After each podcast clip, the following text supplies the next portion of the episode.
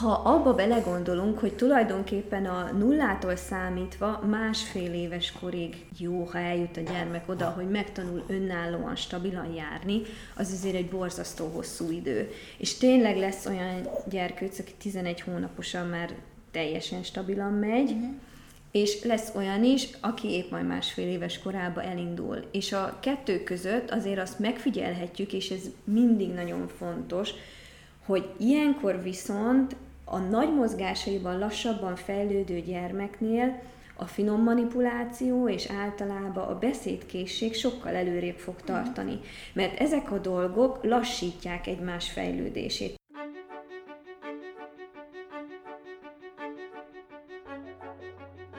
Sziasztok! Ez itt a Mai Mami, a Kismamák és Friss Anyukák podcast csatornája. Minden adásban egy-egy szakértővel beszélgetek olyan kérdésekről, amelyek sokunkban felmerülnek, mégis nehezen találjuk a választ a végtelen és gyakran ellentmondásokkal teli információtengerben.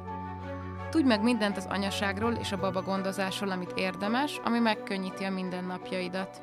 Rényi Júlia vagyok, egy mai mami. A podcast 24. adásában a mozgásfejlődés mérföldköveiről fogunk beszélgetni Flossberger Petra gyógytornásszal. Fontos elmondanunk, hogy ennek az epizódnak nem az a célja, hogy ellenőrizd, hogy a textbooknak megfelelően fejlődik-e a gyereket, hanem hogy megtud, hogyan segítheted a fejlődését a saját ritmusában, anélkül, hogy erőltetnéd, és hogy jobban értsd a mozgásfejlődéssel kapcsolatos összefüggéseket.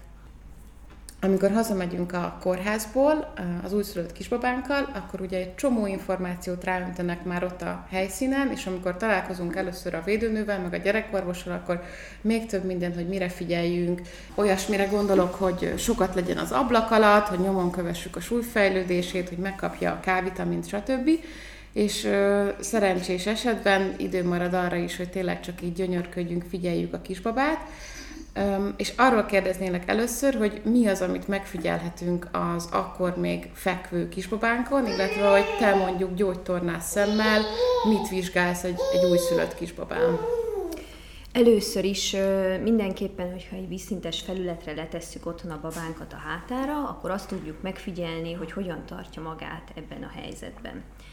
Hogy például valamelyik irányba el ö, kanyarintja el, kiflizi a kis törzsét, van-e olyan preferált iránya, hogy csak egyik irányba szeret nézni, és ha próbáljuk a másik irányba fordítani a tekintetét, akkor visszafordítja, vagy előfordulhat az is, hogy egyáltalán nem tudjuk átfordítani a fejét a, a másik oldalra. Hogyha öltöztetés közben, pelenkázás közben például azt tapasztaljuk, hogy nagyon nehéz a csípőjét kinyitni, nehéz ráadni mondjuk a pelenkát, akkor ugye az is lehet egy jelzés, hogy ott esetleg a csípő környékén valami nincsen rendben. Megfigyelhetjük például a kis lábait, nagyon sok babánál előfordul, hogy a kis lábfejeik valamelyik irányba így, vagy nagyon fölcsapva vannak, kicsit befelé kanyarodnak, inkább kifelé csapja őket. Ezek általában a pocakon belüli téráránytalanság miatt szoktak kialakulni. Általában egyébként ezekre a problémákra sokszor már a az újszülött osztályon a gyermekorvos vagy a csecsemős nővérek is sokszor fölhívják a szülők figyelmét, de van, ami egyébként azért otthon lesz inkább ilyen szembetűnő, és akkor ezekkel kapcsolatban már lehet esetleg gondolkodni, figyelni ezt, akár jelezni a gyermekorvosnak, mikor jön, vagy a védőnőnek, mikor jön, hogy ezt így észrevettük, ha ők esetleg nem vetköztetnék le ennyire a kisbabát, és akkor megkérdezni, hogy érdemes ezzel szakemberhez fordulni. Ebből az a nehéz, hogyha első babánk van, akkor ugye nincs összehasonlítási alap, hogy hogy néz ki normál esetben a, a fekvő csecsemő. Tudsz segíteni abban, hogy honnan érdemes tájékozódni? Vagy mondjuk akár a saját Instagram oldaladra gondoltam most, hogy oda is feltöltesz tippeket, hogy igen, alapvetően ezen az oldalon próbálok segíteni abban, hogy otthon egy kicsikét könnyebb legyen eldönteni, hogy mi az, amin most ez így nagyon túlzás lesz, de hogy amin aggódni kell, mert azért nem föltétlenül jelentenek problémát ezek a megjelenő jelek sem, csak esetleg kell azzal foglalkoznunk, hogy valamin javítsunk. Ilyen szempontból egyébként az mindig nagyon érdekes, és én azért mindenkit arra biztatnék, hogy azért egy édesanyának van egy anyai összöne, van mindenkinek egy ilyen tényleg jól beépített hatodik érzéke, és erre érdemes hallgatni.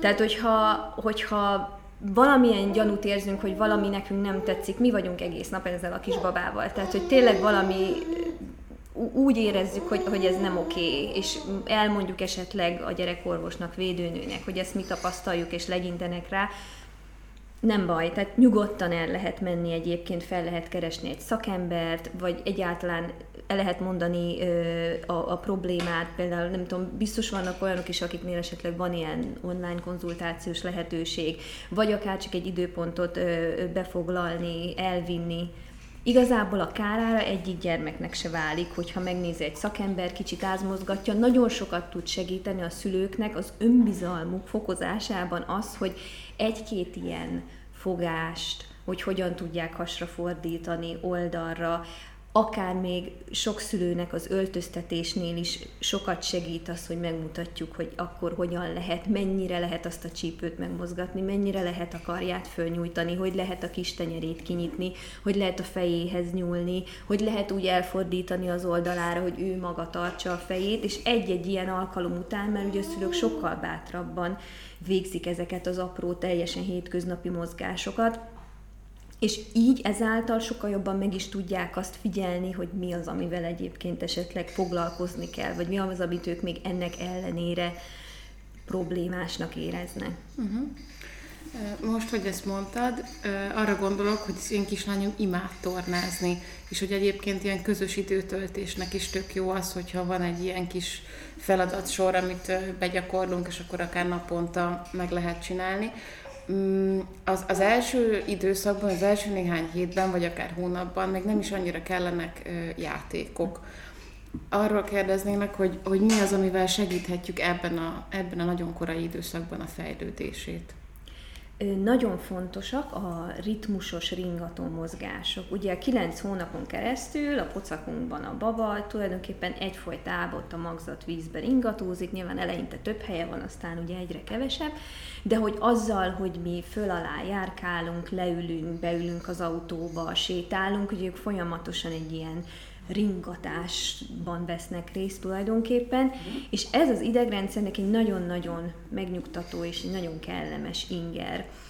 Én legelőször is azt szoktam mondani, hogy egy részről nagyon sok testi kontaktusra van szüksége egy újszülöttnek. Tehát ha csak belegondolunk, hogy akár anyatejes, akár tápszeres a babánk, akkor is ugye rengeteget van ölve, etetjük, rajtunk van, utána büfisztetjük, akkor lehet, hogy el is alszik a kezünkbe, akkor már nem fogjuk letenni, hanem ott marad, itt gyakorlatilag szinte tényleg egész nap velünk van, és ezeket az időket is nyugodtan ki lehet arra használni, hogy akár sétáljunk velük a lakásba, megmutassuk nekik, hogy milyen a környezetük.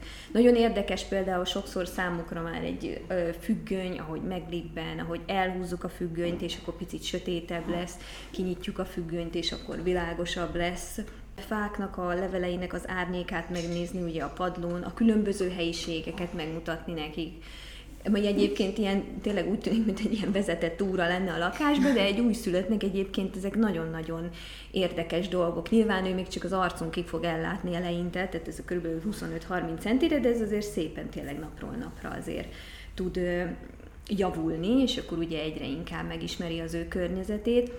És ezen kívül még, amit egyébként én nagyon szeretek, és akár érdemes is otthonra beszerezni, az ö, esetleg egy nagy labda, tehát egy ilyen nagy fitball, az se baj, ha nincsen meg, ez nem egy ilyen kötelező dolog, de hogy az azon való rugózás, ringatózás egyrészt az édesanyának is jót tesz, tehát hogy kicsit ugye fokozza a vérbőséget ezeken a női területeken, ami szintén nagyon fontos, másrésztről pedig ugye így a babával az ölünkbe nagyon kényelmes ülőhelyzetbe tudjuk biztosítani ezt a ringó mozgást. Uh-huh. Képzeld el, hogy a kisfiammal, aki elmúlt két éves, még mindig rajta maradtunk ezen a fitballozáson, mert hogy ezt mi is kaptuk tanácsnak, hogy mennyire fog élvezni, és annyira élvezi, hogy még mindig úgy alszik el, hogy az ölünkbe ültetjük, és egy picit rugózunk vele a labdán, és ez egyszerűen bekapcsolja neki ezt a reflexet, hogy akkor jöhet az alvás, szóval ez tényleg nagyon jól működik. Hát akkor szuper, hogyha mi idáig megtartotta ezt a jó szokást. A ringatás egyébként nagyon fontos, tehát én minden este az öt éves gyereket is ugyanúgy fölveszem, és ha nehezen alszik el, akkor én is egyébként ringatom, ami már a 21 kilójával nem olyan egyszerű, de ez egy annyira tényleg egy ilyen ősi beidegződés szerintem a gyerekeknél, hogy, hogy egyszerűen annyira megnyugtatja és ellazítja őket maga ez a, ez a kicsi mozdulat, meg az éneklés, meg ilyenek, hogy amúgy tényleg sokkal könnyebb utána nekik így álomba szenderülni. Ez fontos, hogy mondod, mert szerintem sokan most az erős szó, hogy elítélik, de hogy nem szokott ezt tetszeni szakembereknek, hogy még mindig ringatja, nem tud elaludni az ágyába, lehet erre jó kis negatív megjegyzéseket kapni. Abszolút. Én egyébként ezzel teljesen ilyen szempontból megengedő vagyok, ez nem minden este van így, valamikor könnyebben elalszik, de valamikor neki is olyan napja van, hogy ugye túl sok inger éri, esetleg valami miatt, hát ugye nyilván, mert egy öt éves gyereknek azért van arról elképzelés, hogy most hétvége van, de holnap oviba kell menni, lehet benne egy ilyen izgatottság, uh-huh. akkor mi ugye készülnek a farsangra, ami nyilván megint csak egy ilyen nagyon extra dolog, és akkor van, mikor szól, hogy mami elringat, és akkor én ugyan elringatom. Mi az az életkor, amikor értelme van bevezetni a játékokat a kisbabának? Játékokat egyébként már, a, amikor letesszük a játszószőnyegre, és akkor így a fölét helyezzük ezt a, szerintem a legjobbak ezek a mm, külön lévő ilyen babatornáztatók, amikre ugye lehet lógatni különböző tárgyakat, meg mindenféle színes dolgokat. Egyébként én e, itt is nagyon szeretem azt, hogyha egy otthon próbálunk keresni, akár kendőt, sálat, szalagot, bármi olyasmit, amit ugye így elérnek, és tudnak vele egy kicsit játszani. Tehát, hogy ezek mindenképpen fontos első játékok. Nagyon jók ezek a baba könyvek is. Ugye először ez a kontrasztos fekete-fehéreket, aztán utána lehet ugye már a többszínűeket. Azok szintén nagyon jól fölkeltik a baba érdeklődését. Ez is végül is valamilyen szinten már játéknak minősülhet. És akkor később, amikor már ugye a többet hasalnak, akkor én nagyon szeretem ezeket a zsizsegős könyveket, mert annyira leköti őket az, hogy ahogy matatnak rajta, és így annak van egy ilyen hangja, hogy sok baba a hasalásokkal jobban viseli, úgyhogy a kezébe van egy ilyen játék. Háton fekvésbe ugye, mikor már megtanulnak fogni, meg elindul ez, hogy egyik kezükből a másikba adják, akkor már nagyon jó például a csörgők, vagy ezek a, én nagyon szerettem, az én gyerekem imádta, hogy ilyen pici, kisebb PET palackokba tettem otthon babot, vagy tésztát, vagy ilyesmit, amit ugye tudott uh-huh. rázni, ezekből lehetett ilyen nagyon színeseket is készíteni, ez nálunk nagy favorit volt. És akkor onnantól, hogy ugye erre önállóan fölülnek, és ugye teljesen szabadon használják a két kezüket, ott már ugye nagyon kinyílik ez a dolog, tehát ott már rengeteg mindent lehet ugye a kezükbe adni, szintén lehet itthoni dolgokat, tehát ugye a főzésnek az imitálását lehet, ugye nálunk például az az egyik favorit volt, hogy, hogy a, kapott ilyen műanyag edényeket, és akkor a spatulával, fakanállal keverte benne az akármit is, a kockát, vagy bármit, amit beleraktunk, és akkor ugye ezek a kicsit ugye el, el volt addig, amíg mondjuk én ténylegesen főztem, és akkor ugye mellettem tudott ilyeneket csinálni. Uh-huh. Úgyhogy egyébként a játékokat ö, szerintem érdemes mindig figyelni a, a kisbabát, hogy mi az, ami egyébként érdekli.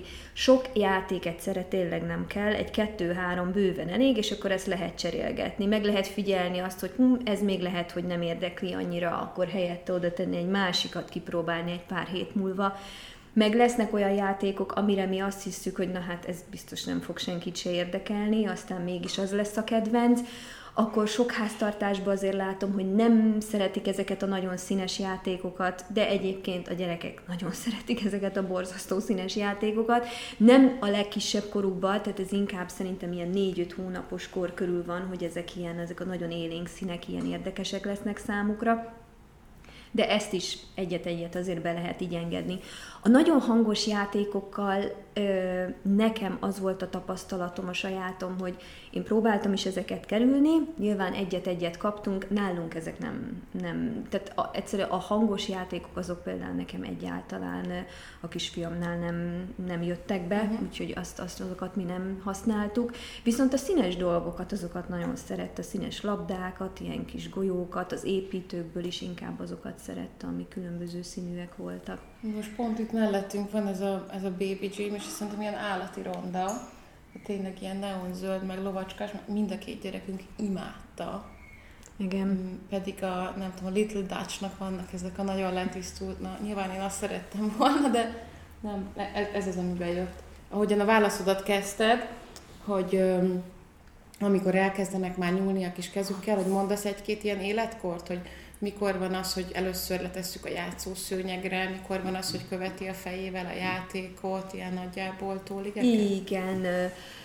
Hát ugye itt mindenképpen azt előtte el szeretném mondani, hogy azért, amikor a, én azt mondom, hogy mondjuk valami három hónapos korba történik, azt azért mindig érdemes végig gondolni, hogy a három hónapos kor eleje és vége között nagyjából négy hét eltelik. Ez egy kisbaba életében rengeteg idő, tehát ez tényleg nem úgy kell venni, hogy na három hónaposan akkor nem csinálja, akkor úristen, mert amúgy egy-két nap alatt is már olyan változások történhetnek, hogy így tényleg nem hisszük el, hogy így, így ez még tegnap nem ment, ma már így megy, úgyhogy ezeket azért tényleg mindig érdemes úgy végig gondolni, hogy nincsen azzal semmi baj, hogy ma betöltötte a három hónapot, és még akkor nem akar az oldalára átgurulni, mert egyébként, ha négy hét múlva fog átgurulni, amikor még szintén mindig három hónapos lesz, és nem négy, akkor sincsen semmi baj.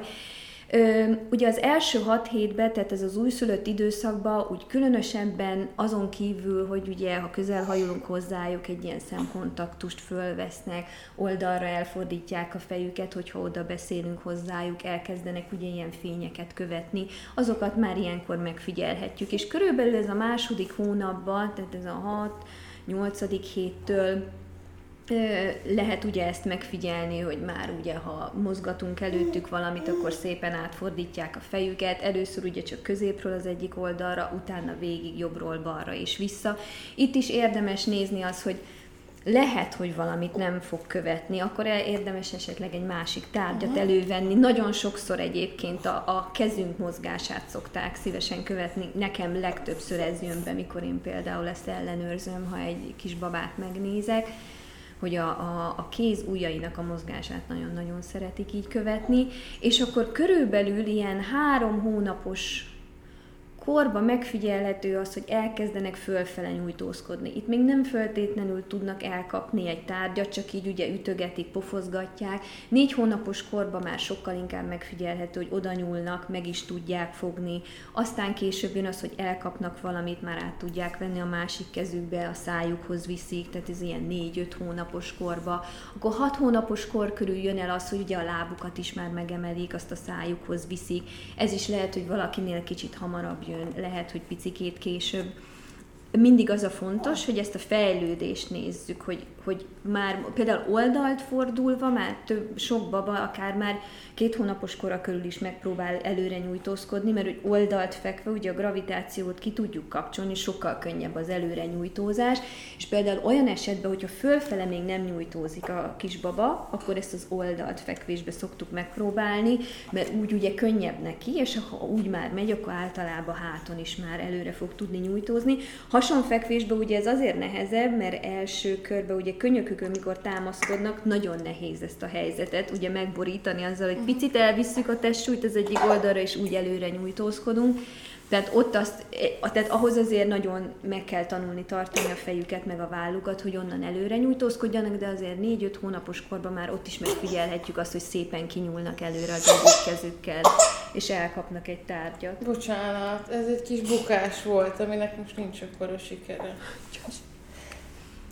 hogy magától az oldalára tud fordulni, most egyébként nem, nem foglak végigkérdezni az összes nagy mozgásról, de az, az mikor várható, vagy mikor Az oldalra fordulás körülbelül három hónaposan már azért megfigyelhető, négy hónaposan már úgy mondom, hogy akkor azért már így jó, hogyha ez így megvan, de sok baba egyébként már két hónapos korában is tud úgy borulni, hogy elgurul az oldalára. Ezekben nem föltétlenül van ilyenkor még így tudatosság, mert ugye függ attól, hogy például milyen felületen fekszik. Uh-huh. Sok kis babánál például valamiért ez a pelenkázó az, ahol így ezek az első mozgások így, így megtörténnek, valahogy ott ugye, hogy annyira szabadon, vagy nem is tudom, úgy külön vannak, ezt nagyon sokszor én is megfigyeltem egyébként a sajátomnál, meg erről sok anyuka is beszámol. Tehát ott azért lehet, hogy ott kicsit ugye pucéran is van, akkor ugye könnyebb ott forgolódni, mozgolódni. Tehát ez az oldalra fordulás, ez Két hónapos korba is lehet, hogy óvatlanul így elgördülnek az oldalukra, de az, amikor már ilyen tudatosan megy, akkor már négy hónapos kor körül fordulnak általában, de négy hónapos gyerekeknél van már olyan, hogy valaki hasra fordul, és nem föltétlenül ö, van mögötte semmiféle kóros dolog, Ö, általában egyébként először a hasról hátrafordulás szokott így megtörténni, és az is teljesen tudatlanul, hogy ahogy nagyon kiemelik a fejüket, és akkor ugye mivel a fej a test méretéhez, meg súlyához képest elég nehéz, az, ahogy kibillen az egyensúlyából, az viszi tovább aztán uh-huh. a kis testüket, hogy visszagördülnek a hátukra, ez ilyenkor még tudattalan és amikor meg már ez tudatossá válik, akkor általában ugye ezt alulról indítják, tehát a csípőjüket is felhúzzák oldalra, és akkor úgy fordulnak vissza a hátukra, de ezért ez később uh-huh. szokott jönni. Nagyon nagyok az egyéni eltérések, és szerintem ebből jön egy csomó stressz az anyukáknak, hogy egyszerre születtek a babáink, és mégis annyira különböző szinten állnak a mozgásfejlődésbe, hogy nehéz néha elfogadni azt, hogy mennyivel előrébb vagy hátrébb tartasz a kortársaknál. Ez ö, abszolút így van, és ez tényleg nagyon nehéz. Én még azt mondom, hogy szakemberként is nehéz lehet ez, mert mondjuk nyilván egy játszótérrel rám sincs rám írva, hogy mivel foglalkozom, és velem is fordult elő olyan, hogy teljesen idegen ember megkérdezte, hogy még nem ugrál a gyereked, és akkor én meg így mondtam, hogy hát még nem. De hogy ha abba belegondolunk, hogy tulajdonképpen a nullától számítva másfél éves korig jó, ha eljut a gyermek oda, hogy megtanul önállóan, stabilan járni, az azért egy borzasztó hosszú idő. És tényleg lesz olyan gyerkőc, aki 11 hónaposan már teljesen stabilan megy, uh-huh.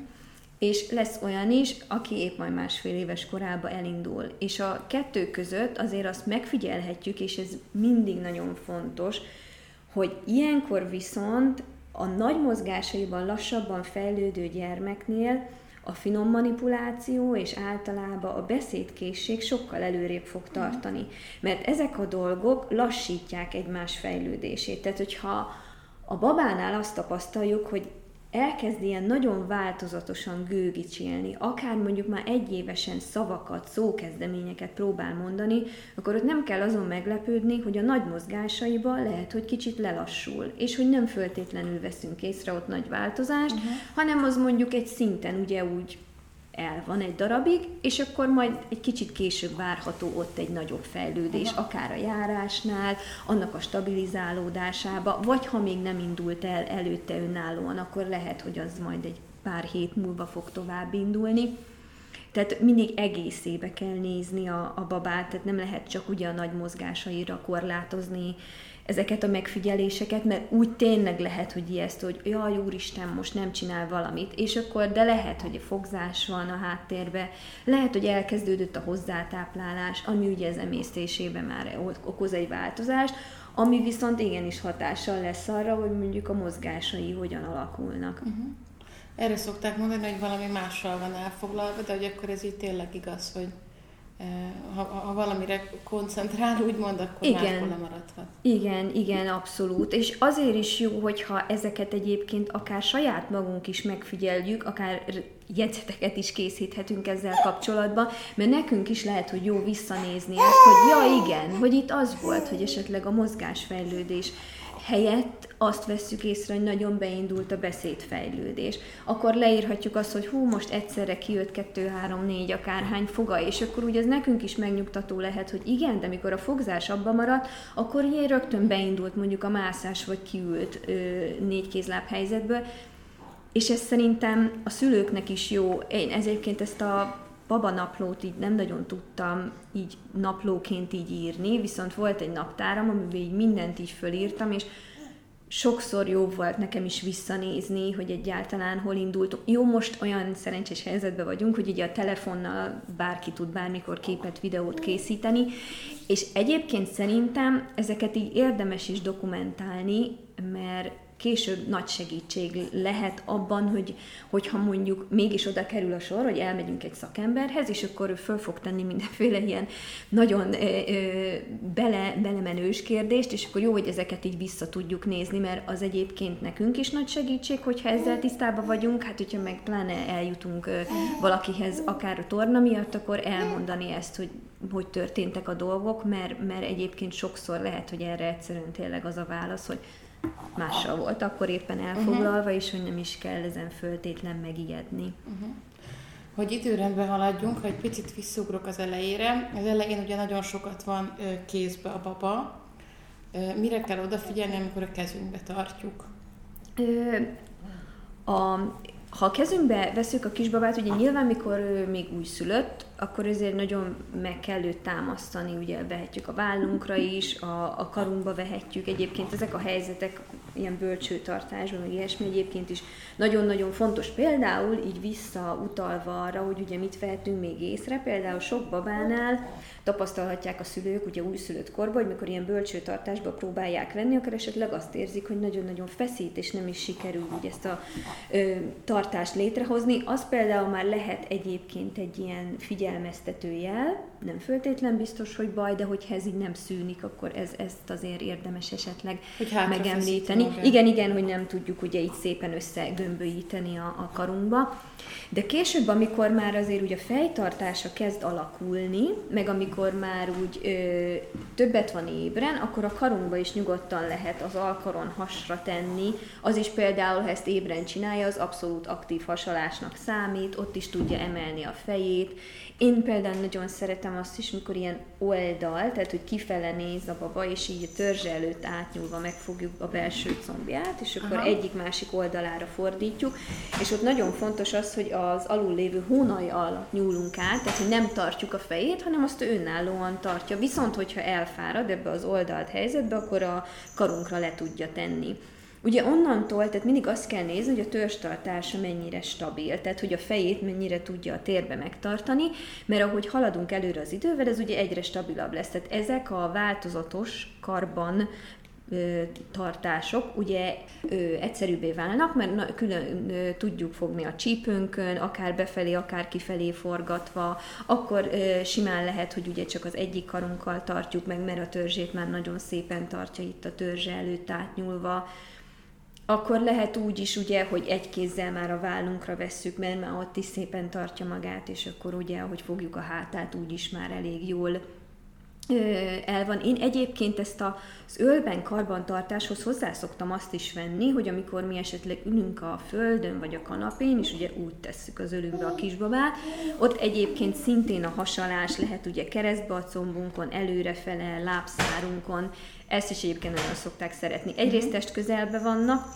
másrésztről meg ugye, hogy így tudjuk őket sokszor motiválni arra, hogy mondjuk hasonfekve egy kicsit ott így el legyenek jobban, mert közel vagyunk hozzájuk, tudjuk változtatni, hogy mi az, ami jobban érdekli, hogy mit adjunk a kezébe, mit tegyünk elé, mi az, ami ugye ilyen abszolút kedvenc, és akkor ilyenek szoktak lenni, távirányító, meg ilyesmi. Uh-huh amiket mondjuk lehet ilyen időkre hagyni, hogyha például nagyon nem szeret egy baba hason lenni, akkor ezt az egy-két dolgot be lehet ilyenkor vetni, amikor így kicsit el akarjuk terelni a figyelmét. Most rá is tértél a hasalásra, ami nekünk óriási mumus volt a kisfiammal, gyűlölt hason lenni. A gyerekorvos nekünk azt mondta, hogy ezt nagyon szigorúan kell venni, hogy két hónapos korára az ébren töltött idő felét hason töltse, de azt valahogy senki nem mondta nekünk, hogy ez nem csak úgy lehetséges, hogy így a kis ágyba vagy a játszószonyekre letesszük, hanem hogy melkasunkon, combunkon, stb., amit most elmondtál. Hogy a hasolásnak a, a fontosságáról mit kell tudni, ez miért ilyen lényeges, és mennyire kell komolyan venni ezeket a hason töltött perceket? Igen, ezt a perc alapú dolgot én ezt annyira azért nem szeretem, mert ez egyébként egy hatalmas stresszfaktor. Tehát, hogyha mondjuk így belegondolunk, hogy mennyit van ébren egy két hónapos gyerek, és akkor azt osszuk el kettővel, hogy nagyon jó, akkor most körülbelül két és fél-három órát úristen hason kéne lenni, szerintem nem is elvárható. Tehát, hogy ez, ez... És a másik az, hogy emiatt, hogy ezt ugye sokszor hallják a szülők, hogy sokat kell hasalni, sokat kell hasalni, a többi pozíció ugye így jelentőségét veszti, és mindenki tényleg csak arra koncentrál, hogy na, akkor mennyit volt hason. És egyébként most mondok egy nagyon érdekeset, de tényleg a hasalást is egyszerűen túlzásba lehet vinni. Tehát, hogyha túl sokat van hason egy baba, és túl sokat feszegeti magát hátra, az annak a rovására mehet, hogy ugye túl erősödnek folyamatosan egy fokozottabb tónusba kerülnek a hátul lévő gerinc mellett izmok, meg nyakizmok, és ez ugye ugyanúgy akadályozni fogja a mozgásba, mert viszont a gömbölyítést, ami egyébként a forgáshoz már szükséges, nem fogja tudni jól csinálni, mert a fejét szegény állandóan hátrafele akarja feszíteni, közben ott azt kéne megtanulnia, hogy ugye elől az állát a melkasához közelítse, és egy picit gömbölyítse a felső testét, ahhoz, hogy ugye hasra tudjon fordulni, meg amúgy a visszafordulásnál is ez nagyon fontos, hogy nem csapja a fejét hátra, hanem egy picit ugye gömbölyít, és akkor úgy fog a hátára gördülni. És ezért aztán Ö, hogy ugye mindig ezt halljuk, hogy hasonlítatni kell a babát, ugye elfelejtjük azt, hogy de hát a háton lévő játéknak is nagyon nagy mhm. jelentősége van, hiszen ahogy rugdos a lábával, úgy fog erősödni a hasa ha oldalt fekszik, akkor ugye a fölül lévő testfele sokkal szabadabban tud mozogni, könnyebb is így mozgatni a lábát, meg a karját, mint hogyha ö, akár háton feküdne, hát a hasálásnál meg pláne könnyebb, de hogy ezeket a testhelyzeket az ébreléti időkben tényleg érdemes változtatni. És a hasalásnál szerintem egyébként is, ez az abszolút saját tapasztalatom is, hogy sokkal könnyebb úgy kezdeni, hogy ezt így rajtunk kezdjük el, ölbe, a melkasunkon, akkor lehet tényleg azt, hogy vára vesszük a babát, megpróbálunk úgy leülni vele, hogy ő azért egy picikét túlérjen a vállunkon, és a fejét tartania kelljen.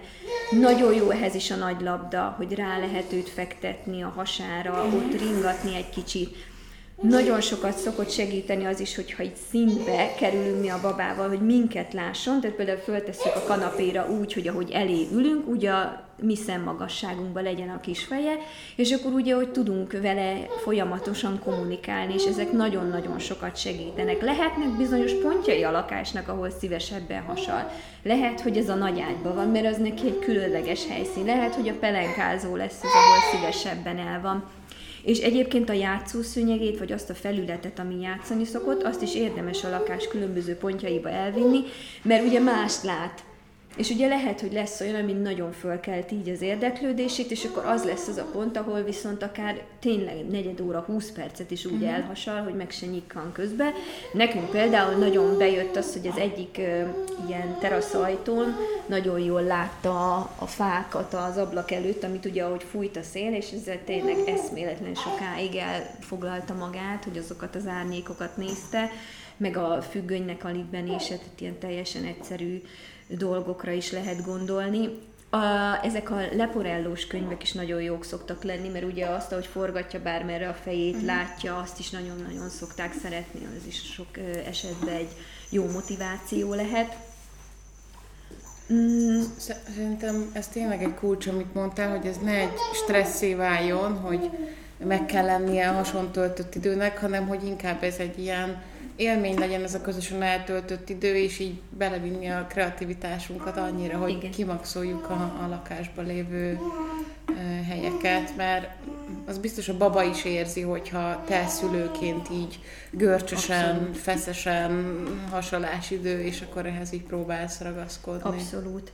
Meg egyébként például, hogyha ezeket az időket ugye jól kihasználjuk, akkor ugye nem is nagyon lesz szükség arra, hogy ugye ilyen hát ahogy én szoktam őket hívni, ilyen babakonténerekbe kényszerüljön a, a kisbaba, mert egyébként, hogyha így jól föltalálja magát, megtanulja, hogy hogyan tud ő egy kényelmetlen helyzetből, mert mondjuk elfáradt hasalás közben, de megtanulja, hogy le tudja tenni a fejét, tud pihenni, megtanulja azt, hogy vissza tud fordulni a hátára, akkor azért az később nekünk is nagyon nagy könnyebbség.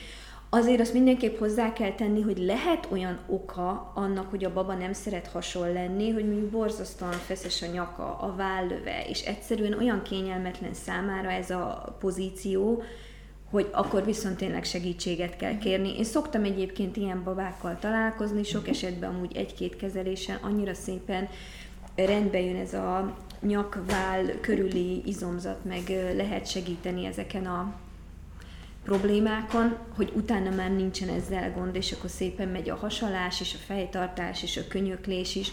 Sokszor egyébként olyankor, amikor azt tapasztaljuk, hogy nagyon oldalra viszik a babák ilyenkor a kezüket, és még mi sem tudunk nekik segíteni, hogy a könyökük a válluk alá kerüljön, akkor ott, ott az lehet egy figyelmeztető jel arra, hogy a hátsó traktusban valami esetleg feszes. Uh-huh. Tehát, hogyha valamilyen testhelyzetet így nagyon nem kedve elutasít a baba, már az elég indok arra, hogy elmenjünk egy szakemberhez, és, és megmutassuk neki, hogy tudjunk segíteni a saját gyerekünknek így otthoni Igen, között. igen, abszolút, mert ö, sokkal egyszerűbb. És nem is biztos, hogy egyébként ilyen hatalmas nagy történet van mellette, vagy mögötte, de sok esetben egyébként egy nem annyira kifejezett ferdenyak például okozhat ilyet.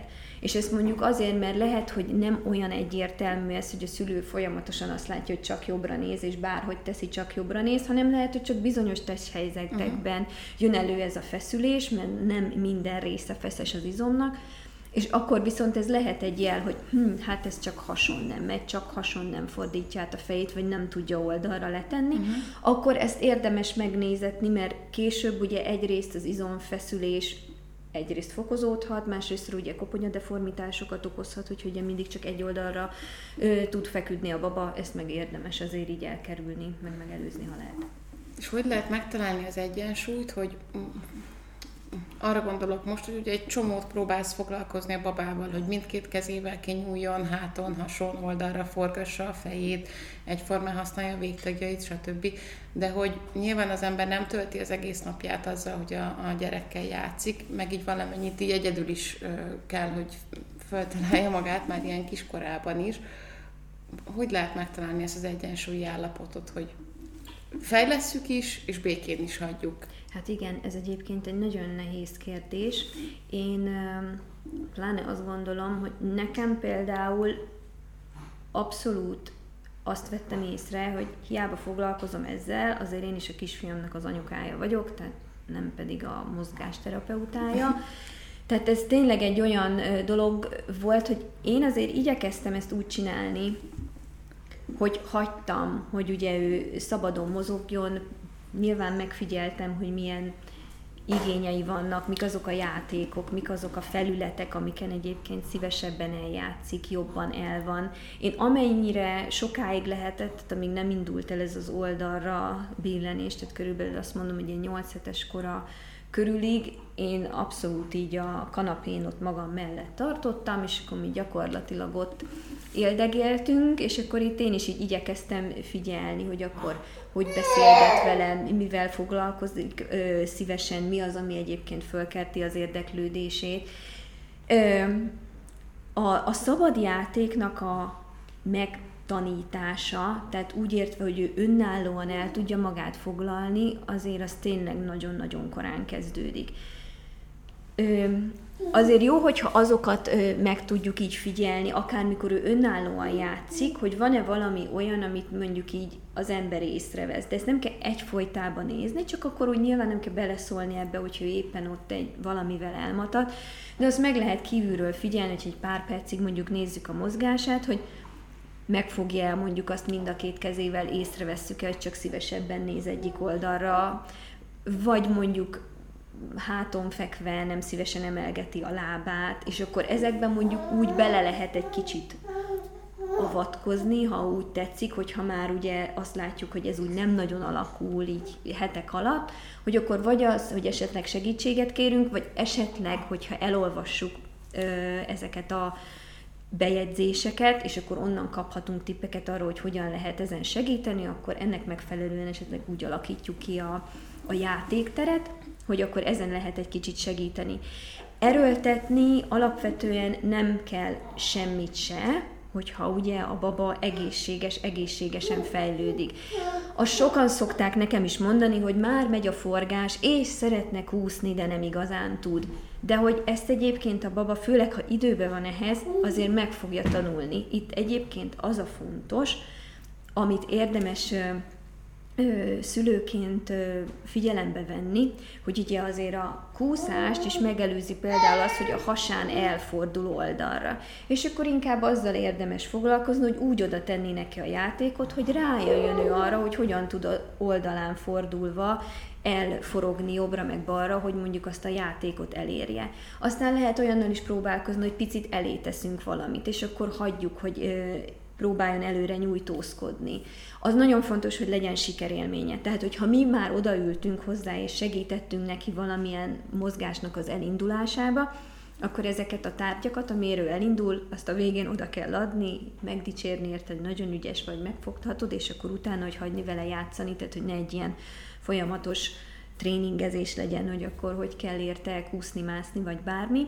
Uh-huh. Ö, én egyébként azt gondolom, hogy nagyon fontos az, hogy, hogy ugye sokat játszunk együtt, tehát azért persze nyilván nem egész nap, tehát rengeteg minden más dolgot kell csinálni, tehát tényleg nem erről szól az egész napja, sem egy édesanyák, sem egy édesapány, bárkinek, aki egész nap otthon van a, a gyermekével, hogy vele játszik, meg, meg foglalkozik, de az aktívan együtt töltött játék időkbe is érdemes egyébként bizonyos dolgokat így megfigyelni, hogy mi az, ami mintaszerűen követi egymást, és esetleg azt tapasztaljuk, hogy mondjuk mindig csak úgy van, vagy ezt soha nem használja, vagy soha nem nyújtózkodik mondjuk jobb kézzel, de ez sem föltétlen jelenti azt, hogy akkor azonnal el kell menni és segítséget kérni, meg lehet próbálni azt az oldalát, motiválni, arra az oldalra pakolni tárgyakat, arról beszélni hozzá, úgy föltenni ezeket a csüngő játékokat, hogy inkább jobb felé legyen, és akkor ha elkezd nyúlni azzal a kezével, akkor valószínű, hogy ezzel meg is oldottuk a uh-huh. problémát. Most ebből, amit mondtál, arra gondolok, hogy ez milyen fontos, hogy így ne, ne legyen minden karnyújtásnyi távolságba, hanem hogy egy, ha egy picit odébb teszem a játékot, akkor ezzel már lehet, hogy motiválhatom. Mm, pedig sokszor van az, hogy csak úgy, nem tudom, gőkicséget, és akkor valamit így a kezébe nyomok, vagy épp csak úgy fölé tartok, hogy elvegye, és lehet, hogy ezzel egy kicsit úgymond hátráltatom a fejlődését, mert ha csak úgy letenném mellé 10 centivel arrébb, és megvárnám, míg ő törekszik, hogy értemeljen, akkor mm, motiválom, hogy egy új, új szintre lépjen. Ez ö, abszolút így van. Ö, szerintem ott van valahol ez az arany középút, hogy sírni nem kell hagyni. Tehát, hogy én sem a hasalásnál, sem az ilyen ö, nagy mozgás tanulásnál az, hogy most ő tényleg szegény elkezden okogni, mert valamit nem ér el, vagy már annyira elege van a hasonfekvésből, hogy így, így nem bírja, tehát tényleg ezért mondom, nem is kell így az órát nézni, hogy úristen, még csak három perce hasal és már sír, tehát nem baj, sírni nem kell. Tehát az, az egyáltalán nem hasznos ebbe a mozgásfejlődésbe, hogyha elmegyünk addig a határig, hogy neki ez már frusztrációt uh-huh. okozzon, hanem hogy az, hogyha mondjuk ő csak valamiért így nyöszörög, vagy nyökög, vagy úgy látjuk rajta, hogy próbál egy kicsit erőlködni, akkor azt nyugodtan lehet hagyni, lehet szóban biztatni, hogy mindjárt eléred, egy picit próbálj meg előrébb nyújtózkodni, vagy hogyha éppen, hogy csak annyi, hogy még egy kicsit, ha nyújtózna, elébb lökné magát, akkor már elkapnak annyival, nyilván közelebb lehet tenni, de hogy minden ezekkel az egy-egy pici lépéssel fog így elindulni, tehát a kúszás is nyilván először úgy indul, hogy csak egyet ró egyszer véletlen magán, és előrébb halad uh-huh. Mhm. 4-5 centimétert, de a következő hetekben ugye ebből a 4-5 centiből aztán több méter lesz. De hogy ugye ezzel, hogy egy picikét hagyjuk, hogy ő elérje saját magának, egyrészt ugye a saját magába vetett önbizalma is ezzel fejlődik, hogy ugye ő a saját mozgása által előre tud haladni, és meg tud szerezni valamit, amit ő szeretne. Uh-huh. Most egy, egy igazi baba itt látott kommentálja a dolgokat. Igen. Most el is értünk igazából a kúszásig. Akkor jól értem, hogy azt mondod, hogy nem kell facilitálni azt, hogy ő minél előbb kúszol, hanem ő erre magától rá fog jönni, hogy, hogy hogy tud elindulni. Igen, szerintem azt mindenképp érdemes megvárni, hogyha ugye ezeken a mozgástartományoknak az elérésén mondom, hogy belül vagyunk, tehát hogy tényleg nem arról van szó, hogy mondjuk most mondok egy nagyon extrém példát, de hogyha mondjuk most 10 hónaposan azt tapasztaljuk, hogy a semmiféle jelen nincs annak, hogy el fog indulni kúszva a gyermekünk, akkor azért ott tényleg már érdemes mindenképpen szakemberhez fordulni. De hogy ugye, ha most nagy vonalakban azt vesszük, hogy körülbelül 6 hónapos korban kell, hogy meglegyen a hasról hátra, hátról hasra fordulás, és utána indul a kúszás. De hát ugye nyilván a gyerek azért el van ezzel egy darabig, hogy ő most így forog, meg lehet, hogy el is tud már gurulni tárgyakért, meg hogy ugye elkezd az hasán ugye jobbra-balra átfordulni. De hogy ugye egyszer csak el fog jönni az is, hogy hát ő megpróbál már ugye helyet változtatni, tehát lesz benne egy ilyen motiváció, egy ilyen belső hang, hogy akkor el kell ugye így indulni, és ugye itt meg lehet próbálni mindenképpen azt, hogy csak annyit segítünk neki esetleg, hogy ugye egy tárgyat arra helyezünk, és megnézzük, hogy ő azt, hogy hogyan próbálja elérni. Tehát, hogy ne legyen minden úgymond karnyújtásni távolságban, hanem picit legyen arra motiváció, hogy így elinduljon. Uh-huh. Van egyébként az a hogy mondjam, szint, amikor tényleg az van, hogy valami nagyon nem jó a technika. Tehát, hogy látjuk, hogy el akar indulni, de mondjuk az van, hogy leteszi a fejét folyamatosan, és csak lábán akarja lökni magát, és hogy így látjuk, hogy ez így abszolút nem, nem halad előre, és hogy hiába haladunk előre az időbe, csak azt látjuk, hogy a, hogy a feje mindig len van, és mint egy ilyen kis kacsa fúrja bele a, a fejét a, mondjuk a játszószörnyekbe, de hogy nem indul el előre. Akkor például ott azért olyat mindenképpen lehet ö, csinálni, hogy akkor mi az, ami hiányzik. Ugye a fejemelés, meg a kar előre nyújtása.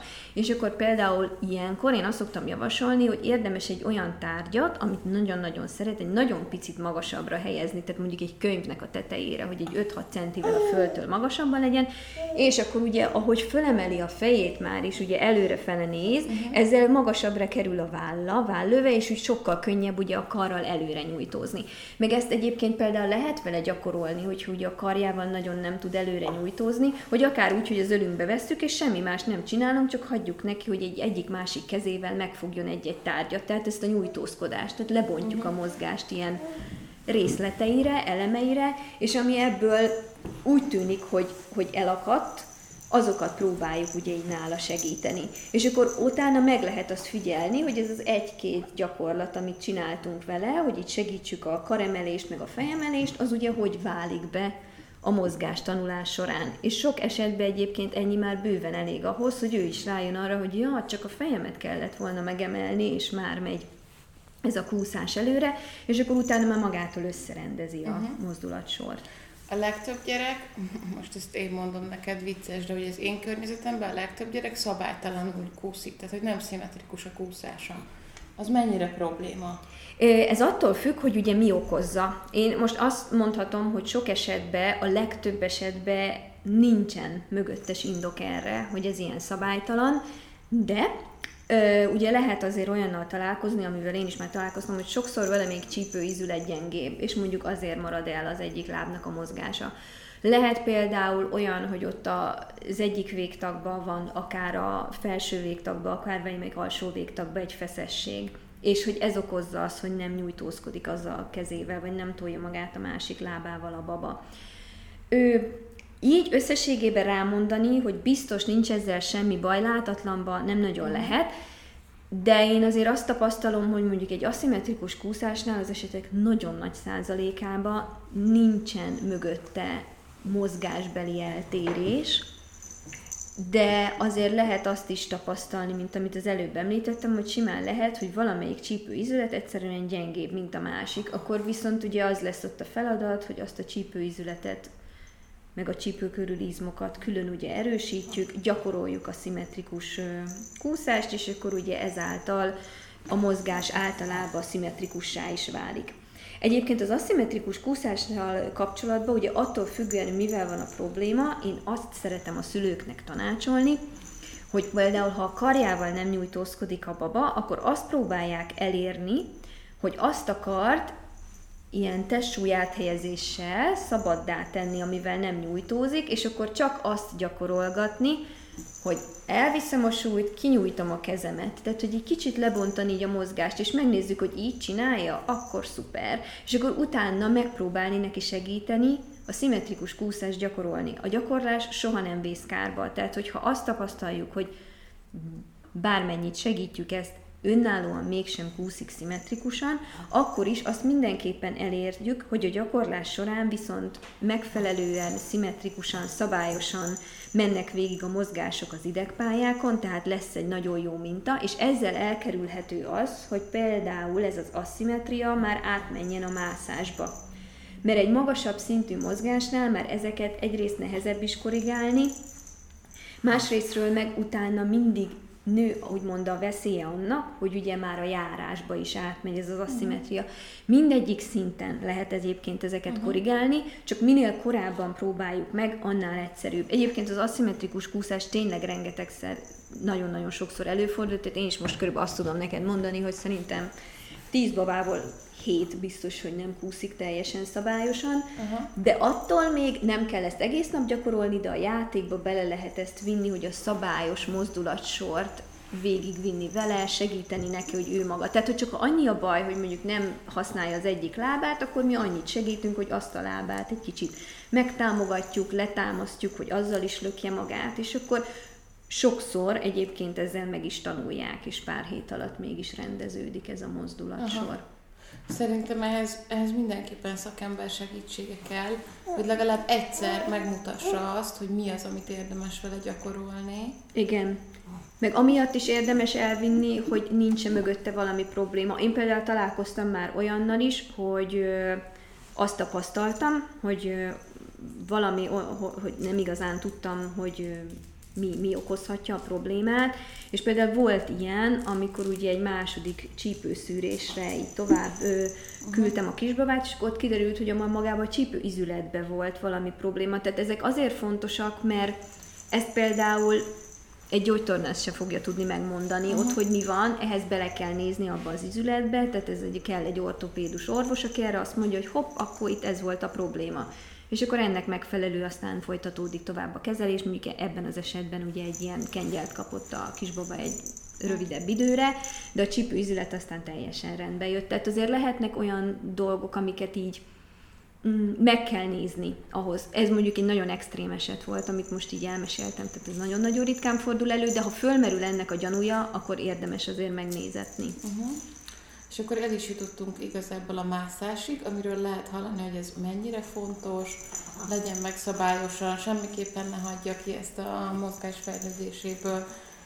A, a mászás az tud egyáltalán szabálytalan lenni, mert mondtad, hogy átmehet a szabálytalanság kúszásra, mászásra, de Ö, igen. tudom képzelni, hogy ez Úgy tud szabálytalan lenni a mászás, hogy nem a két térdén közlekedik a baba, hanem az egyik lábát talpra teszi, és azzal löki így magát előre. Egyébként én már láttam olyat is, bár ez egyébként elég ritka, hogy nem másznak a gyerekek, hanem így a fenekükön kezd, karjukkal hajtják magukat aha, előre, ez azért nagyon-nagyon ritka szerintem. De ezt azért, hogy egyik lábukat talpra teszik mászás közben, és úgy tolják magukat, az azért elő szokott fordulni. Uh-huh. Itt az mindenképpen korrigálni kell, és itt is meg kell azt azért vizsgálni, hogy mi az oka ennek. Sokszor egyébként, ha visszamegyünk, és most visszautalok arra, hogy milyen jó az, hogyha tudjuk, hogy mit, mikor, meg hogyan csinálta a baba, mert hogy ezt ilyenkor meg szoktuk kérdezni, hogy volt-e korábban bármilyen asszimetria benne, és azért az esetek nagyon nagy százalékában a kúszás előtte aszimmetrikus volt, ami nem volt korrigálva. De van olyan, aki például már azt is el tudja mondani, hogy hát hasról hátra csak az egyik oldalra fordult, a másik oldalra nem csinálta. Uh-huh. És hogy ezek az ilyen jellegű aszimetriák, viszont ha nem oldjuk meg őket a mozgás sos mérföldkövek során, akkor ugye tovább göngyölődnek ugye így előre, és már ugye akkor a mászásba is megjelenhet. A mászásnál egyébként itt azért is kell nagyon figyelni, mert teljesen más, hogy mozog ilyenkor a két csípőizület, ha az egyik ö, lába talpon van, a másik pedig térden van a babának, tehát az egyik igazából csak asszisztál a másikhoz, tehát ott egy nagyfokú gyengeséget tapasztalhatunk a másikhoz képest, ami mondjuk például egy járás során már azért nagyon komoly problémát okozhat koordinációba, egyensúlyba, hogy mondjuk az egyik csípőizület, meg általában az az egész oldal, ugye gyengébb lesz a másikhoz képest. A mászás vagy az ülés szokott előbb jönni?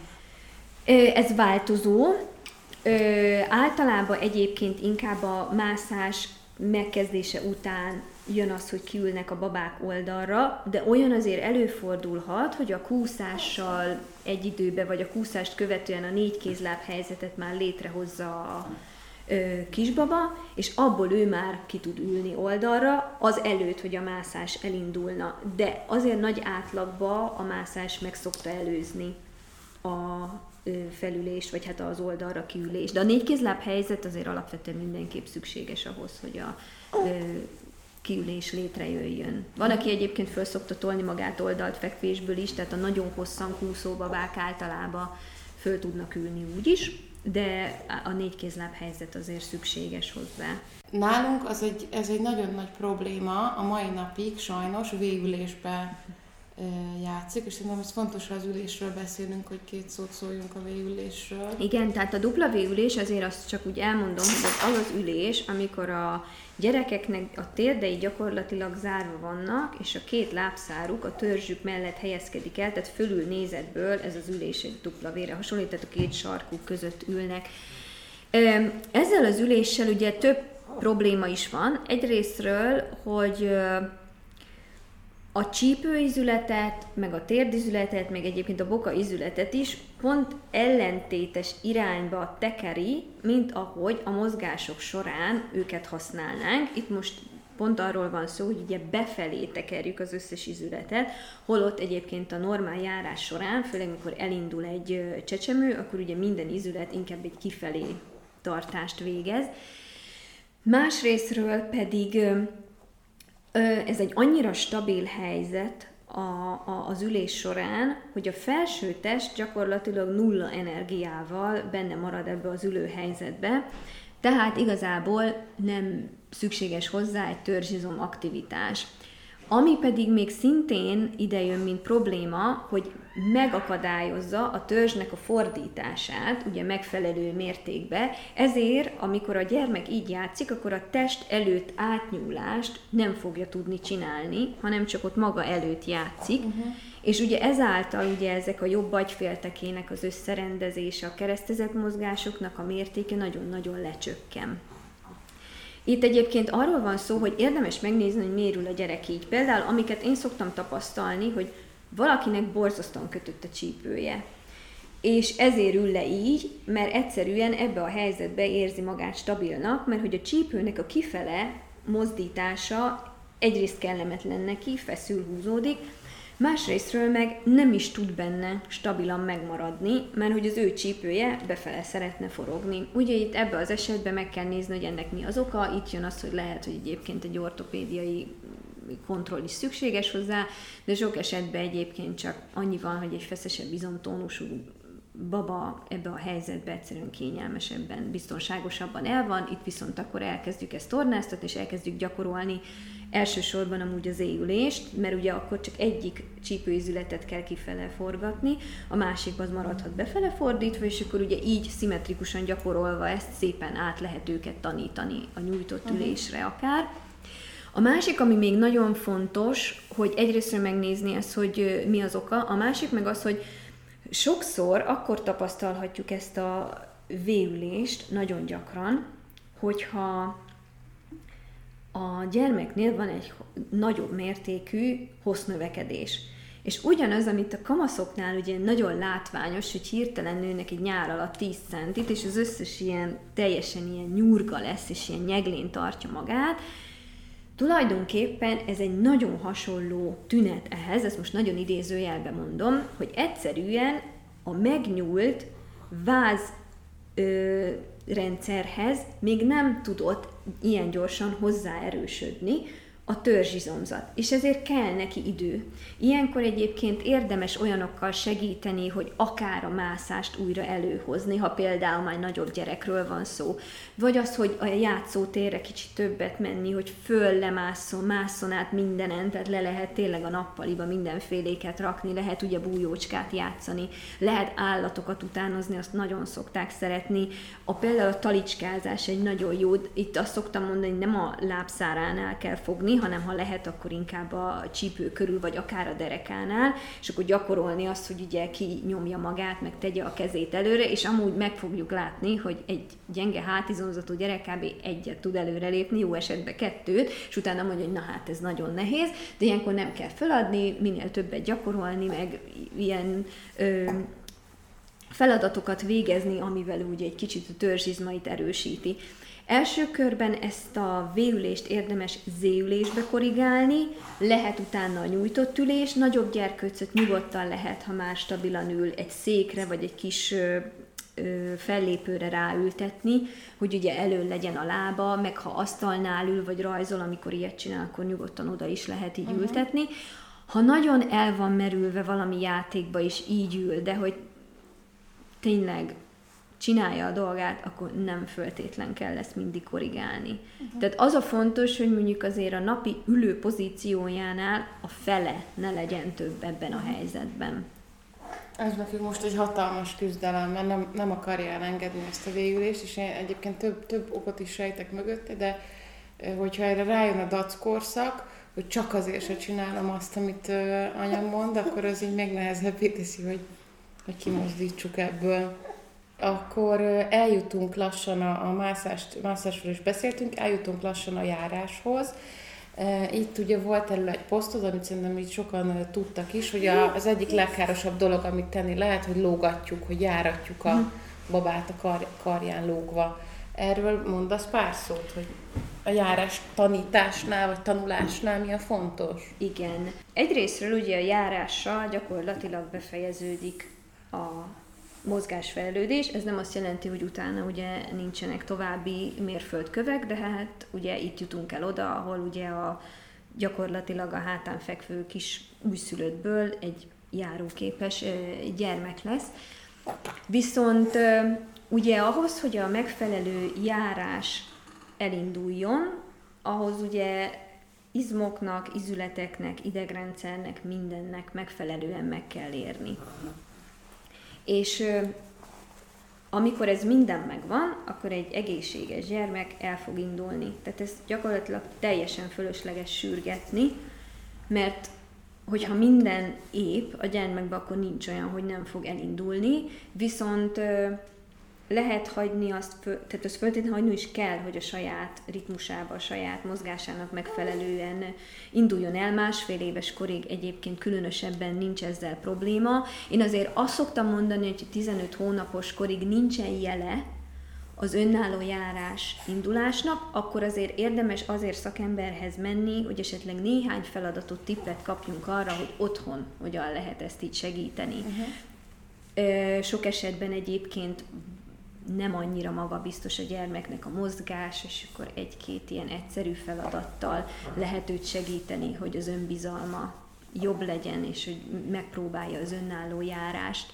Amiért nagyon káros ez a járatás, tehát hogyha idő előtt ö, sürgetjük ezeket a függőleges helyzeteket, mert ö, hogyha vagy az izületei, vagy az izmai, vagy az egyensúlya ugye nem áll készen erre, akkor tényleg több kára van, mint haszna ennek a dolognak. Másrésztről, hogy ez a karokat fölemelve a feje fölé, és ott fogni, és hagyni, hogy menjen, ezzel eleve az egész kis teste egy teljesen más helyzetbe kerül, mint ahogy önálló járás során kerülne. Tehát, hogyha például oldalról megnézünk egy ilyen gyermeket, akkor azt tapasztaljuk, hogy ilyen ívbe hátra hajlik a, a törzse, teljesen elő lesz a hasa, és gyakorlatilag húz így minket maga után, uh-huh. ami Egyébként, hogyha belegondolunk ebbe, inkább hátráltatja az önálló járást, mint segíti, mert neki ebből a rossz helyzetből kell majd megtanulnia, hogy hogyan tudja a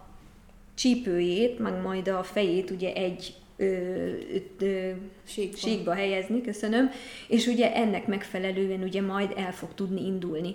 Ugyanez van egyébként a járás segítőkkel is, hogy ezeknek nagyon nagy része ugye túl korán kerül oda egy kisbabához.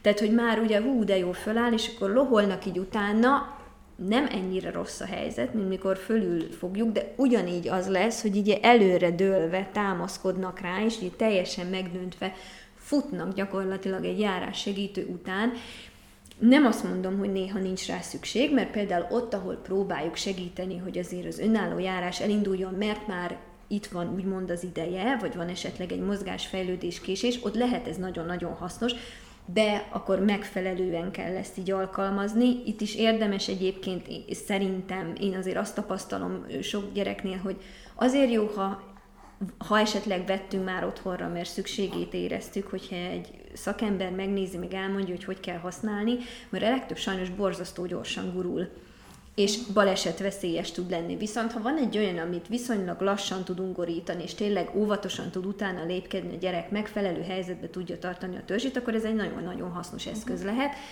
De a legtöbb sajnos nem ilyen, ami kapható.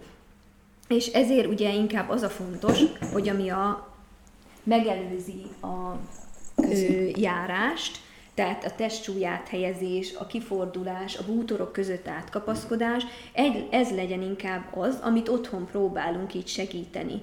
Miért például azt is nyugodtan meg lehet próbálni, hogy háttal neki támasztjuk a babát a kanapénak, kitesszük a kezünket elé, úgyhogy legugolunk, hogy épp hogy csak egy-egy lépésre legyünk, és akkor ugye meg fog tudni próbálni elemelkedni a kanapétól, egy-két lépést megtenni előre, és megfogni a kezünket.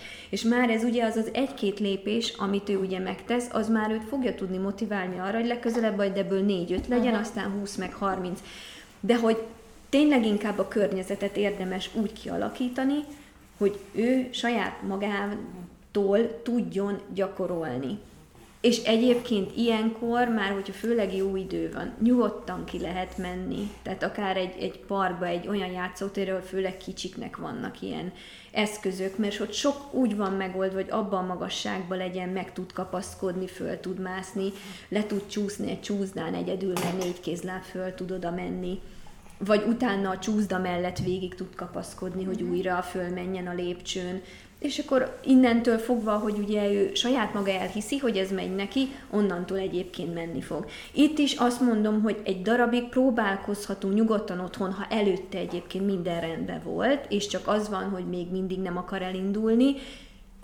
Ha viszont úgy látjuk, hogy tényleg nem boldogulunk, vagy nagyon-nagyon nem akar ez előre mozdulni, akkor viszont szintén érdemes ö, szakembertől tanácsot kérni, hogy mi az, amit otthon tudunk csinálni, esetleg megnézni, hogy milyen oka lehet ennek, mert például azért egy hipotóna bizomzatú babánál nem is nagyon szoktuk elvárni, hogy, hogy korán elkezdjen járni. Egyébként sokszor nem föltétlen okoz a mozgásfejlődésbe késést a hipotónia, főleg abban az esetben, hogyha ez korán fölismert te a szülő, vagy a védőnő, vagy a gyermekorvos, és akkor elkezdenek tornázni, járni, tudják, hogy hogyan lehet otthon segíteni, akkor uh-huh. egyébként ugyanúgy elindul egy hipotón, alkati hipotón baba is, mint a, mint a többi gyermek. Ez egyébként tényleg nagyon, tehát hogy a 11 és 18 hónapos kor között, amit mondjuk a normál tartománynak tekintünk az önálló járás beindulásában, az azért egy hatalmas nagy különbség. Igen. Már a lépcsőzést is megemlítetted, hogyha megvan a járás, akkor nyugodtan föl le, ahogy tud közlekedni. A lépcsőzés egyébként egy nagyon érdekes, mert egyébként lépcsőzni akkor is el lehet kezdeni, ha még csak mászik egy uh-huh. baba. Tehát az, hogy ugye ő fölfelé megtalálja, hogy hogy tudja föltenni a lábát, hogy tud fölkapaszkodni, lefele megtanítani neki azt, hogy hátrafele engedi magát. Ezek egyébként szintén nagyon fontos mozgáskoordinációs kis feladatok lehetnek, és azt lehet persze próbálni. Én mindenképp azt mondom, hogy érdemes figyelni, hogy az ilyen esetekben a gyermeknek mennyi segítségre van szüksége. És persze fog, tehát hogy vannak olyan gyerekek, akik csak azért is majd ők egyedül megcsinálják, Nyilván ott kell lenni körülöttük, de azért egy-egy lépcsőfokot például a játszótéren előfordulhat, hogy eleve úgy van megcsinálva bizonyos mászókáknál, hogy ilyen nagyon széles, pici lépcsőket uh-huh. találunk, és oda simán fölmegy egyedül úgy, hogy kapaszkodik egyik kezével, vagy oldallazva föllépeget. Azt, amit ő tud, meg próbál, azt nyugodtan hagyjuk. Jók egyébként ezek a benti ilyen kis mászókák is, amiket lehet már most elég sok helyen venni, de hogyha van a lakásba, vagy a lépcsőházba lépcső, ott is meg lehet próbálni. Először fölfelé, az egy sokkal-sokkal uh-huh. egyszerűbb, lefele ugye nagyon nehéz kontrollálni azt a lefele lépést, tehát az azért lényegesen később lesz biztonságos egy gyermek számára, de fölfele lehet hagyni, hogy próbálkozzon, hogy kapaszkodik, vagy a kezünket fogja. Aztán utána ugye úgy is eljön az, hogy már majd megpróbálja kapaszkodás nélkül, ugye egyszer, először úgy csinálják, hogy egymás mellé lépnek, és akkor ahogy ez szépen biztonságosá válik, úgy meg ugye ez a váltott lábas, de ezt mindig először fölfele fogják csinálni, tehát lefele azért elég uh-huh. sokára lesz ez a lelépés stabil. A váltott lábas lépcsőzés, ez milyen életkorban várható el? A négy éves kor körül. Wow, olyan későn. Igen, az viszonylag későn. Lehet egyébként ezeket figyelni, hogy, hogy van-e olyan, ahol mondjuk csak az, hogy most csak jobb lábbal akar menni, csak jobb lábbal lép föl, vagy lefele is. Ezt egyébként nem kell föltétlen állandóan így korrigálni, ha amúgy egyébként nincsen aszimetria mozgásba. Tehát amúgy, ha tud egy lábon mind a kettőn ugrálni, meg tud állni egy lábon, mind a két ö, lábára ö, tudja helyezni a testsúly, el, el tud indulni, tehát hogy ezek nyilván ugye a hétköznapi mozgásokban nem tapasztalunk különbséget, uh-huh. viszont ha egyébként gyakorolunk, vagy játszunk, vagy van olyan ö, ö, élethelyzet, amikor viszont azt tapasztaljuk, hogy mondjuk nagyon eltolódik egyik oldalra ez, akkor például szerintem egy nagyon jó trükk, hogy különböző színű zoknit adunk a lábára, ez jó és akkor elmondjuk neki, hogy na akkor most mindig a, nem tudom, a sárga zoknival kell előrelépni, és akkor ugye így lehet gyakorolni ezeket. A, nyilván felnőttként is megfigyelhetjük magunkon, hogy nekünk is lesz egy domináns Persze. oldalunk, tehát onnantól azért, hogy kialakul a domináns oldal, ezek alapvetően meg lesznek. Itt mindig az a fontos, hogy a többi mozgásnál a szimetria az ugyanúgy meglegyen. Uh-huh. Mm, lépcső, igen. Ö, ugrálni kell tanítani, vagy rájön? Az ugrálás körülbelül két éves korban lesz a páros lábon ugrálás, amire így, így elindul. Én itt is azt mondom, hogy ha azért itt most egy pár hónap még eltelik, azért nem föltétlen kell miatta aggódni. Azt lehet figyelni, hogy van-e rá már így utalójel, tehát hogy a rugózás megvan, hogy esetleg próbálkozik, de lehet eszeket is gyakorolni, hogy megfogjuk a kezét, és akkor csak mond, tanítjuk neki, hogy na, rugaszkodjál el, hogy hajlítod a térdedet, és akkor megpróbálsz ugye elugrani. Egyébként ezek a kisebb trambulinok, amiket lehet találni a játszótereken, amin tényleg csak így rugóznak uh-huh. a gyerekek, meg nyilván nem ugrálnak rajta órákat, azok ilyen szempontból szerintem nagyon hasznosak. Tehát, hogyha hogy a ritmust pontosan, tehát, hogy ott is lehet ugye úgy gyakorolni, hogy először fogjuk a kezét, aztán úgy, hogy elengedjük, és akkor nézze meg, hogy hogy rugózik, és hogy tud elrugaszkodni érdemes azért figyelni, nyilván ez tényleg függ attól is, hogy milyen a gyerek habitusa. Tehát azért ilyenkor már azért eléggé megfigyelhető az, hogy mondjuk valakik bátortalanabbak, uh-huh. akkor inkább az a cél, hogy megteremtsük azt a biztonságos környezetet, akár otthon, hogy párnákat teszünk le, és akkor oda kell ugye elrugaszkodni, mert vagy az ágyon, az, ez még nagyon jó trükk szokott lenni, hogy mondjuk a nagy ágyba, hogy ott el lehet kezdeni ugrálni, uh-huh. nem tudja magát megütni, és akkor ezeket aztán tudja adaptálni már máshova is. Jó, ezek most gyűjtöm itt az ötleteket, mert az én kisfiam az nagy mozgásukból elég ügyetlen, és ami, ami még néha nehezen megy, pedig ilyen hatalmas ö, fanya vagyok a kinti időtöltésnek, friss levegőnek, kirándulásnak, hogy kicsábítani őt a szabadba, de erről is nemrég posztoltál, hogy ennek meg a csontsűrűséggel kapcsolatban van nagyon nagy jelentősége. A csontsűrűség az ugye úgy alakul ki, hogy a függőleges irányú mozgások segítik, hogy ugye megfelelően alakuljon a, a csontsűrűségünk. Ezért én például nagyon-nagyon fontosnak tartom, hogy amikor már ugye a gyerek önállóan tud járni, Nyilván nem kell először kilométereket, de hogy azért amennyit ő így bír, annyit próbáljon ugye velünk sétálni, ami lehet, hogy ez első időkben egy 100 méter lesz, Hopp. de 100 méter után majd lesz 150 méter, meg aztán mindenféle ö, ö, további növekedés tapasztalható ugye ennek a hosszába. Itt az lenne a lényeg, hogy persze, hogy visszük a babakocsit, mert mondjuk, hogyha hosszabb sétára indulunk, nem lehet elvárni a gyerektől, hogy most oda is sétálja, nem tudom, két és fél kilométert, meg haza is, meg lehet, hogy közben álmos lesz, és akkor aludni fog, tehát ezért nyilván a babakocsi abszolút jó, hogyha ott van, de hogyha amikor tudjuk, akkor próbáljuk meg azt, hogy inkább sétálva közlekedünk, vagy kimegyünk egy parkba, akkor ott hagyjuk, hogy szaladgáljon, fölmásszon, lemásszon, alábújjon, mindenfélét. És hogy amennyire lehet, legalábbis én abszolút ennek a híve vagyok, ahogy ez a járás már tényleg stabil, és már távolságokat tesz meg a gyerek, el lehet hagyni a babakocsit. Persze nyilván lehetnek olyan élethelyzetek, mert hogyha van kisebb tesó, kutya, akármi, tehát lehetnek olyanok, amikor egyszerűen ez nem megoldható, akkor mondjuk persze nyilván akkor visszük magunkkal, meg használjuk, meg lehet egyébként más járműveket, vagy ilyesmit használni, tehát akár a két évesen ugye a futóbicikli is lehet egy olyan, amivel kicsit könnyebb közlekedni, és akkor inkább azt visszük magunkkal, aztán persze a végén lehet, hogy úgy járunk, hogy egyik kezünkbe a bicikli, másik kezünkbe Igen, a gyerek jön haza, tehát hogy ez is nyilván velünk is előfordult nem egyszer, nem kétszer, de hogy amennyire lehet, hogyha ugye ahhoz szoktatjuk a, a gyermeket, hogy ő tud sétálni, meghajál fára, nyugodtan le lehet ülni, és így hagyjunk neki arra időt, hogy így a, ezeket a távolságokat megtegye, megtanuljon föl lelépni a járda szegélyen, szétnézni az ebránál, tehát hogy ilyen élethelyzeteket ugye belevinni ezekbe a sétákba, akkor ugye azzal, hogy ő megtanulja, hogy mondjuk hogy közlekedünk a környéken, vagy mire kell figyelni, azzal ugye szintén ugye egy olyan funkcionális dolgot tanítunk neki, ami ugye a későbbiekben azért majd nagyon hasznos lesz. Uh-huh. Um, említettél egy csomót, de mik azok a kedvenc ilyen otthoni uh, fejlesztő ötleteid, ami tényleg ilyen nem kell hozzá különböző eszközöket beszerezni, és mégis nagyon hasznos, segíti a mozgásfejlődést? Ö, amihez egyáltalán nem kell tényleg sehova, semmit se beszerezni. Az egyik ilyen nagy kedvencem egyébként a pokróc.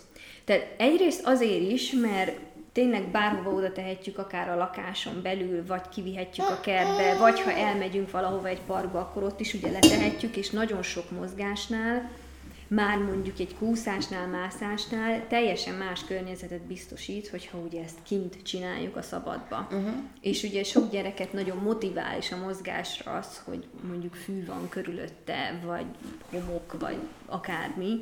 Tehát ugye ezeket is nyugodtan meg lehet próbálni. A másik, amire még nagyon jól lehet használni a pokrócot, hogy ugye ráhasaltatjuk a babát, és ahogy így húzzuk a lakásba körbe-körbe, ugye ilyen kis aranyosan tartja a kis fejét, és akkor utána jól el van hason, ott nézelődik, és ugye ezzel egyébként az egyensúlyát is lehet fejleszteni, hasalásnál, mikor már ül, akkor is, hogy óvatosan húzogatjuk így a pokróccal, és akkor neki ugye tartania kell az egyensúlyát.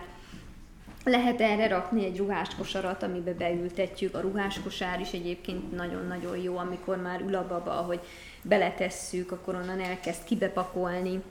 Amikor már föl tud állni, akkor belelép, kilép belőle, hogyha ugye lefele fordítjuk, akkor térdelve lehet mellette játszani, fölállni mellette. Uh-huh. Akár rá is lehet mászni, hogyha egy kicsit ugye, ö, bocsánat, olyan ö, stabilabb anyagból van. A kanapépárnákat is nagyon jól lehet használni egy részről arra, hogy akár ilyen járós feladatokhoz, hogy rálépni, lelépni róla, de négy kézláb helyzethez is, föltérdeléshez is, hogy fölmászni rá, lemászni róla.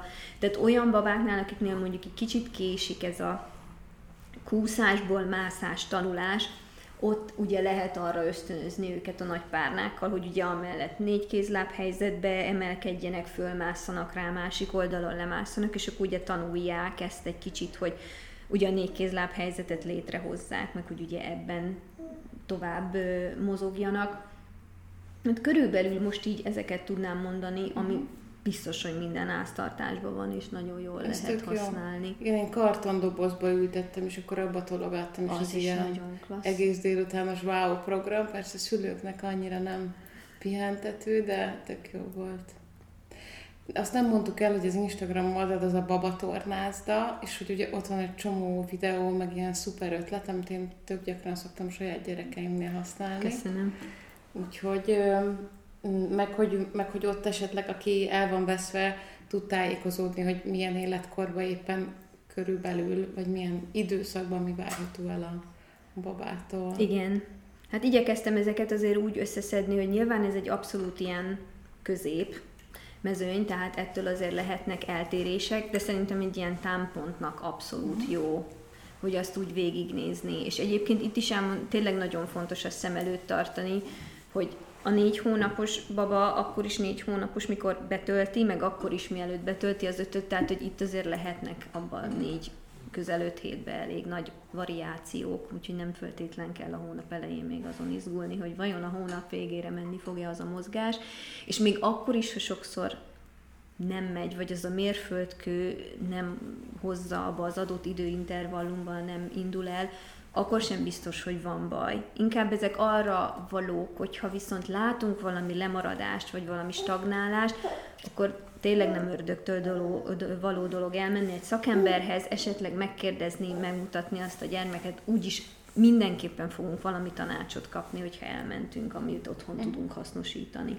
Ettől nyilván nem kell megijedni, mert gondolom mindenkinek van fejlesztendő terület. Igen, meg kérdések mindig vannak, amire azért jó így egyénibe választ kapni, meg arra az egy adott kisbabára ugye fókuszálni, mert azért tényleg, tényleg mindegyik gyerek egyedi.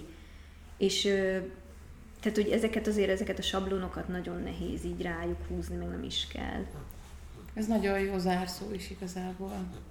Nem tudom, hogy van-e még bármi, amit fontosnak tartasz elmondani, és nem kérdeztem. Szerintem nem, elég jó, mindenről beszéltünk. Köszönöm szépen a beszélgetést Paszberger Petrának. Én is nagyon szépen köszönöm. Ha tetszett a műsor, iratkozz fel Spotify-on, Apple vagy Google Podcast-on, és kövess minket az Instagramon.